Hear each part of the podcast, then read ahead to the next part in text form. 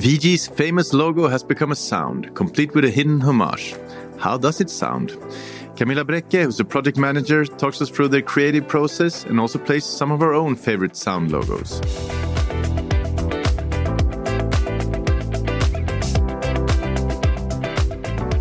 Camilla, welcome to Schibsted Talks. Thank you very much. We're going to talk about audio logos today because you're, you're part of the team that created the, this sound logo to VG, right? Yeah. That's correct. How did that happen? Why do you need an audio logo and how did you do it? We have created a sound logo of uh, VG and the reason for why we made it is that voice and audio is among this year's hottest trends, according to Karat. And podcast is blooming and also in VG. So we have content on uh, multiple platforms such as podcasts, smart speakers, and videos. And this has become an important uh, part of our content offerings. But we saw that much of our audio content lacks sender identity.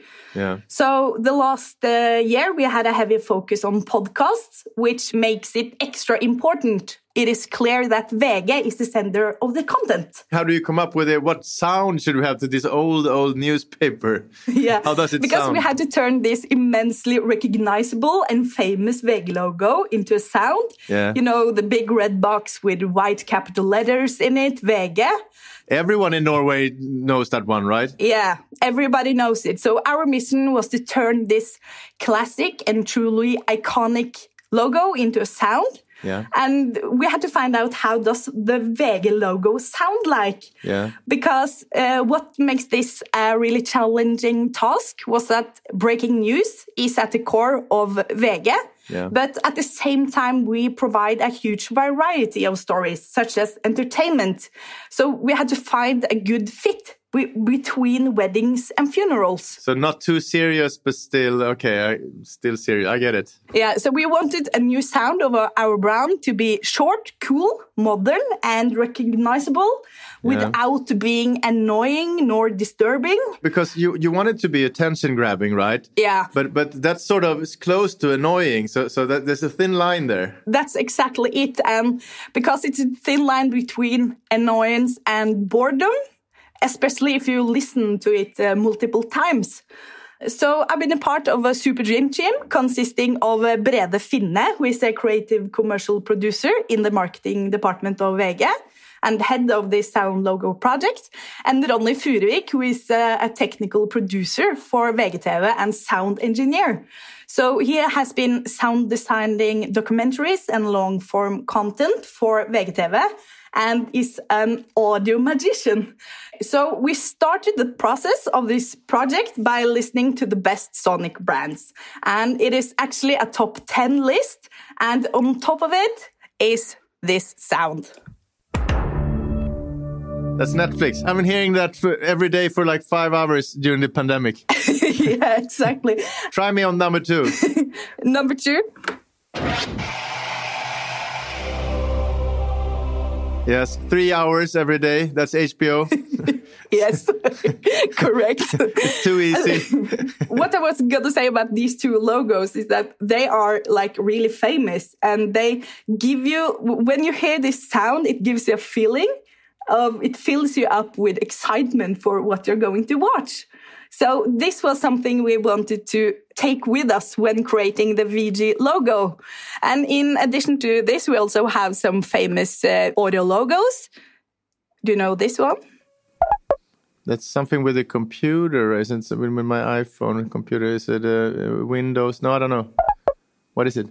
It's a bank mobile app uh, called Vipps. So this sound comes when uh, you send money or somebody uh, send you money. But Swish, which one? What's it called? We don't have that in Sweden, do we? It's called Vipps. No, we have Swish in Sweden. Does it sound like that? But we also have this famous Schibsted sound logo. Finn.no.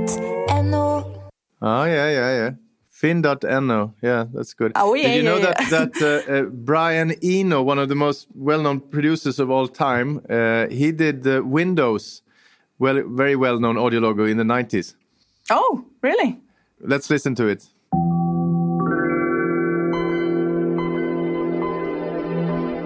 Yeah, this is a big thing. This thing with audio logos. Yeah, it uh, truly is. And when we listen to these big, great sound logos, we, uh, like, for instance, with the uh, Finn.no, what I like about it is that the brand name is pronounced in the sound logo, which makes it hard to get it out of your head. And it's kind of contagious. So we were inspired by this. We wanted a short sound and we wanted a cool sound and we wanted to put a hidden homage in the VG sound logo. Mm-hmm. Oh my goodness! Let's prolong it a bit longer because now we're very. I'm very curious because I haven't heard it.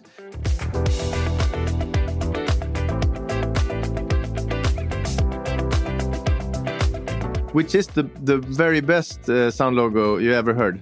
I think I have to say Netflix. I think because it's cool, powerful, and it fills you with excitement. And it plays really well also with their visual logo. And this is, of course, something that uh, this uh, feeling it gives you uh, the feeling of excitement and the associations. That's, of course, something Netflix has built up over many years to achieve this position. Not as many years as you uh, did on, on VG. How much time did you spend on this audio logo that we're going to hear in a, a, couple of minutes? We started this in the fall last year, and we've been working on it uh, in between everything else we do. Is it five out of five if you would give yourself a grade? The sound logo, yeah, it, the end result. Uh, we are uh, really we are satisfied with it. Yeah, and I think we found that fit between.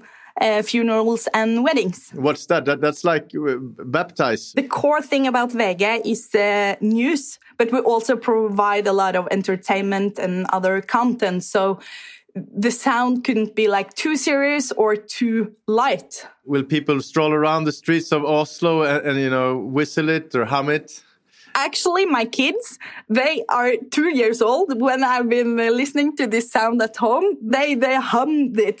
so that was uh... that that's the best grade you could yeah. ever get. I mean, kids don't lie. oh well, they do sometimes, but but I'm very curious, Camilla. Now you have to play it. Okay. Are you ready? I am ready.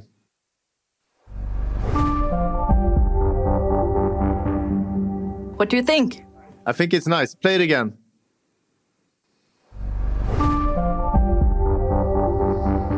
Boom, boom, boom, Verdens Gang.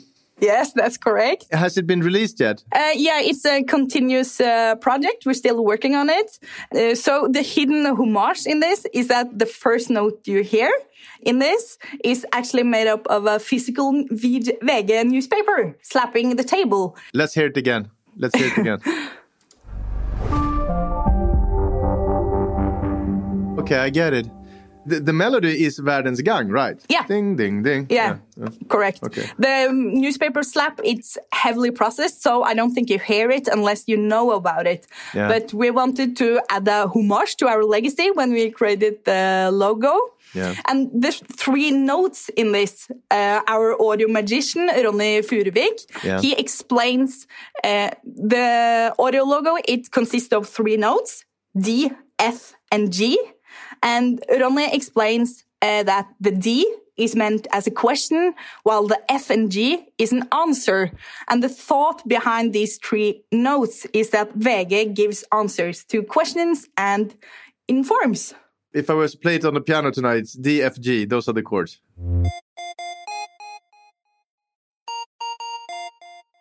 Have you any idea how, how many Schibsted brands that has, has their own audio logo? No, I only know about um, Finn.no, yeah.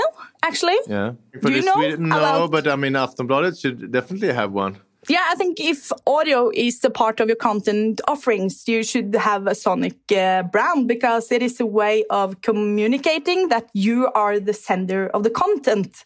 Yeah, because we know logos are extremely important for building brands. And the next few years, audio and podcast will play a more and more important uh, part in people's daily lives. So I believe we're just seeing the beginning of this smart speaker era and the Internet of Things.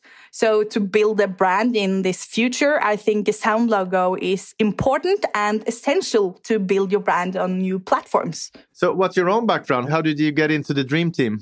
I started in uh, Schibsted in uh, 2014 when VGTV launched a broadcast TV channel.